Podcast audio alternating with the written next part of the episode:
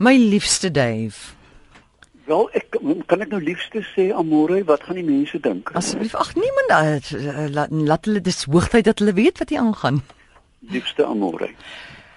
Hier is 'n man, Jan Smith. Hy sê vra vir Dave of die aarde plat is of nie. Hy sê jy sal verbaas wees oor hoe die mense stry oor hierdie saak. Daar's 'n man op die internet wat 200 bewyse gelewer het dat die aarde inderdaad plat is soos die Bybel suggereer.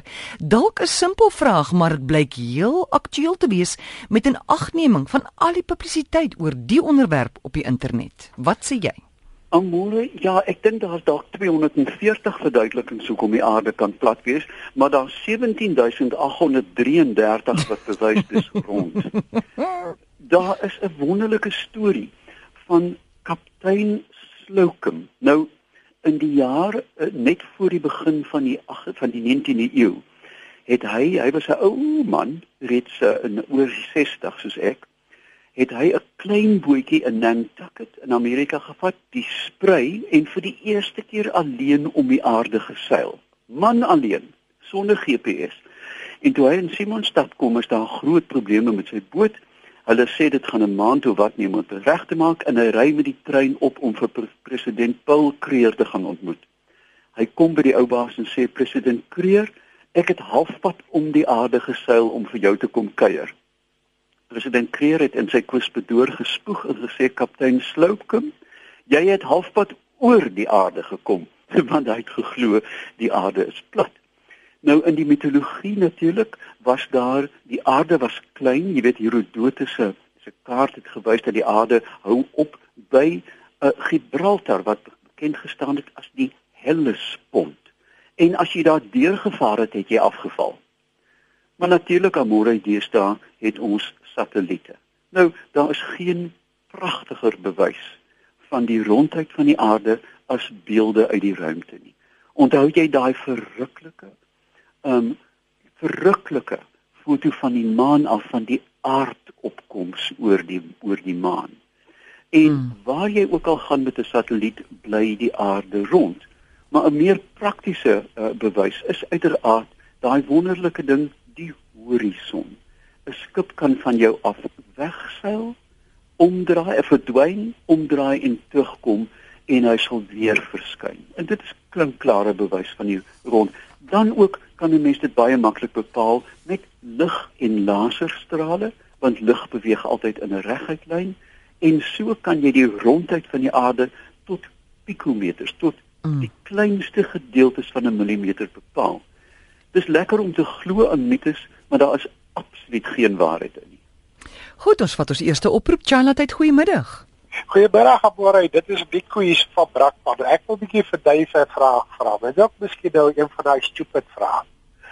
Eh, wat is die moontlikheid dat ons uh, een van hierdie groot ysberge wat so afbreek met uh, een van hierdie bote sleep tot daar binne in El Nido en op daar vasmaak en uh, gaan daar iets gebeur? Dit is een van die slimste vrae wat ek in 'n lang tyd gehoor het en vreemd genoeg dit is een van die planne wat reeds beraam word met klimaatsverandering om water byvoorbeeld na plekke soos die woestyne te neem aan die Weskus van Suid-Afrika aan die Weskus van uh Chile byvoorbeeld as ook na Arabië. Ysberge is so reusagtig groot en smelt so stadig dat wanneer die groot droogtes kom, gaan hierdie werklik 'n gangbare manier wees om ys na droë gebiede te neem. Dis 'n verskriklike slim vraag. Dankie daarvoor. Dit is absoluut moontlik. Brandstof raak al hoe goedkoper. Uh jy weet alternatiewe as jy 'n son-aangedrewe uh, sleepboot kan bou wat die ysberg stadig sleep, is dit absoluut prakties. Veral as jy met koue seestrome aan ons Weskus die ys van die suidpool gaan haal en dit opsleep tot by ons want dan bly jy in koue water. Dit is 'n dit gaan in die toekoms een van die tegnieke wees om water te bekom. Wynand wil by jou weet of 'n salonsroos giftig is. Ja en nee veral nee. Salonsrose is uiteraard eh, giftig. Ek is baie lief vir die goed. Jy weet as jy dan so kyk tussen paaie, jy weet op die middelmannetjie staan hulle deur die ergste droogte en vermaak almal met hulle lieflike blomme. Nou hulle bevat 'n uh, ehm um, 'n 'n baie giftige stof wat die hart beïnvloed Maar as 'n mens kyk na die epidemiologie um, van salonsroosvergiftiging, gebeur dit byna nooit nie. So ja, dit is giftig. Ek sou nie vir 'n baba 'n blaar gee om aan aan te suig nie. Maar ehm um, jy sal 'n hele klompie blare moet inkry, 'n hele klompie. Mm. Ehm um, en ek dink daar is ehm um, ringbome inteendeel is baie baie meer giftig.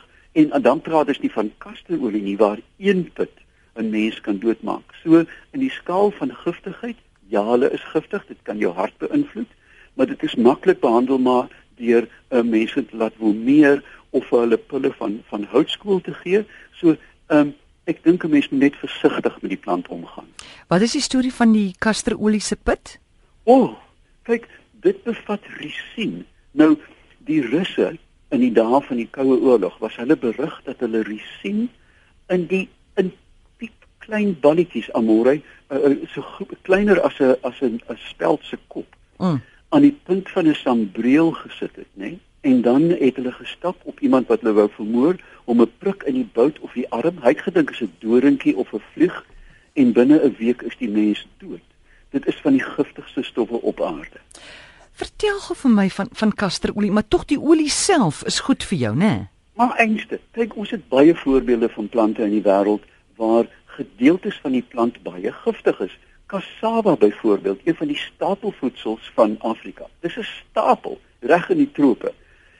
nou ja, daar's vier soorte, daar's een wat jy direk kan eet, maar daar's ook van hulle wat jy eers die knol moet fyn stamp en dan was en dan was jy die gifstowwe uit en slegs daarna kan jy dit eet.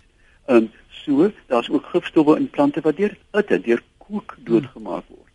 Ehm um, so die kyk al ons dit van die ergste gif wat ons het kom uit plante.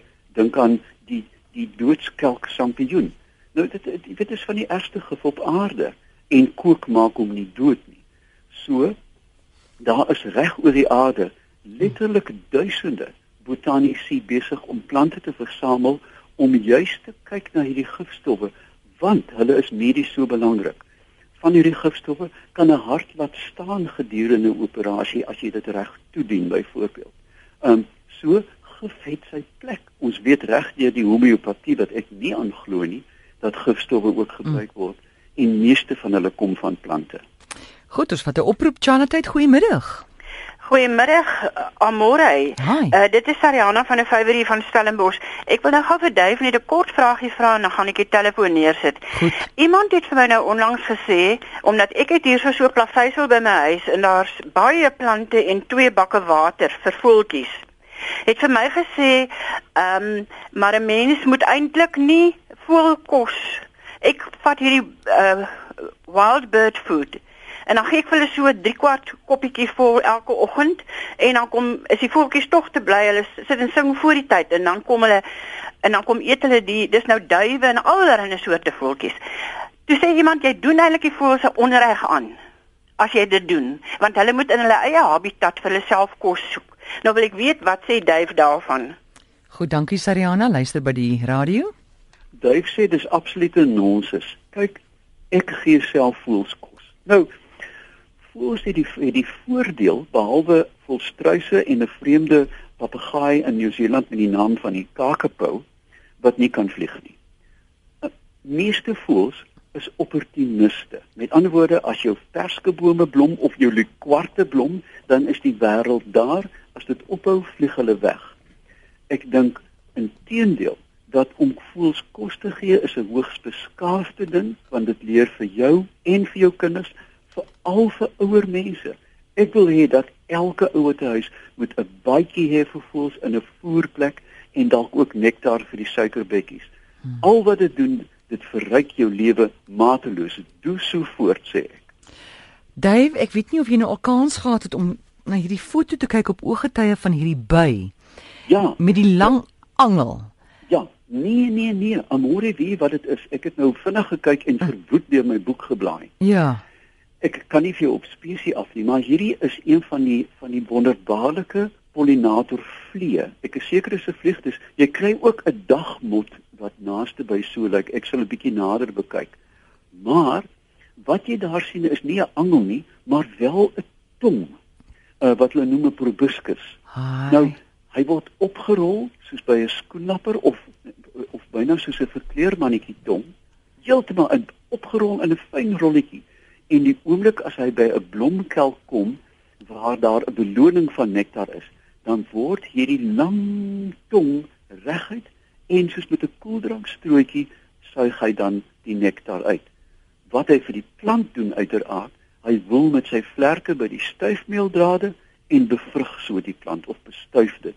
Dit is fantastiese apparate. Daar is intedeel 'n uh, Darwin se orgidee um, en dit nou onlangs geblom in die botaniese tuin van Stellenbosch. En as ek dink aan die kelk, is dit in die orde van seker 20 cm lank en daar is een mot op aarde wat daar die een blom um, kan benut deur hy het 20 cm tong wat hy afdruk tot onder. Ja. En dan pas hy byna soos 'n sleutel in 'n slot in die blom en bestuif dit. Uh die die die dame wat die foto geneem het moet oor en oor kyk want dit is een van die wonderwerke van die aarde. So wat is sy naam nou weer sê jy? Maar ek ek, ek, ek kan ek gaan later sal ek 'n korrekte um identifikasie op my webtuiste Ah. plaas, maar dis een van die langtongvliee of 'n dagmot. Dis klein motte wat wel in die dag word, maar ek vermoed dis Ai. Ek sou vir hom 'n presiese naam kan gee. 'n langtongvlieg of 'n dagmot. Ja. Gaan kyk tog op ooggetye na hierdie foto. Dis skouspelagtig. rsg.co.za klik op fotos en video's en dan sal jy sommer sien daar op ooggetye.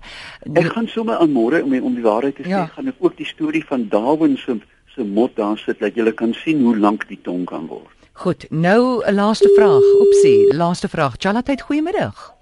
Goeiemôre. Hi. Praat maar. Uh ek wil ek het net 'n vraagie wat ek vir Dave wil vra of twee vragies al dan asseblief ek oor die radio luister. Goed. Ek was al of ek het on, onlangs die voorreg gehad om 'n bietjie verlof te gehad in in in die strand gekuier. En iets wat my opgeval het was die seemeeue wat in gelid staan op die strand. Uh partykeer tientalle van hulle. En dit het nie vir my gelyk of hulle eet nie. Hulle staan net eenvoudig stil en dis spesifiek in die aande. En my tweede vraag is daar's koolganse. En ek het by 'n paar geleenthede gesien dat die koolganse in die branders biljaar. En dit dit was vir my verskriklik snaaks. Ek wil net 'n verduideliking hê daarvoor asseblief. Goed, dankie vir jou oproep. Dave, Ja, vinnig. Eerstens oor die seemeeue.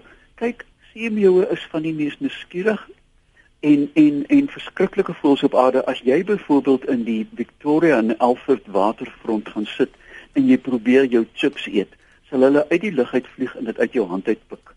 Uh reg oor die wêreld. So seemeeue word uiteraard intens aangelok deur menslike aktiwiteit.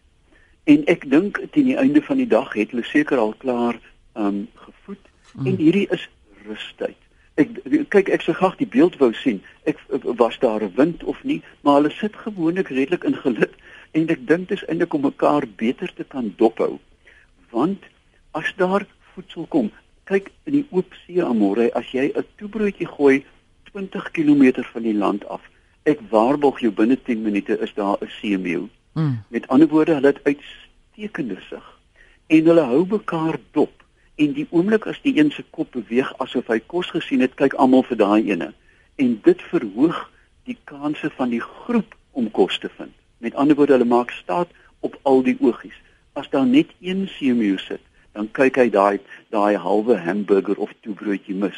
Maar as jy in 'n groep sit, kyk almal saam. Wat was die tweede vraag? Die kolgans. Kolganse as hulle so speel in die water. Ja, koolganse is intedeel baie lief om in die see te baljaar. Hulle voed nie daar nie, maar dit hulle was gewoonlik, hulle so bad soos voëls bad.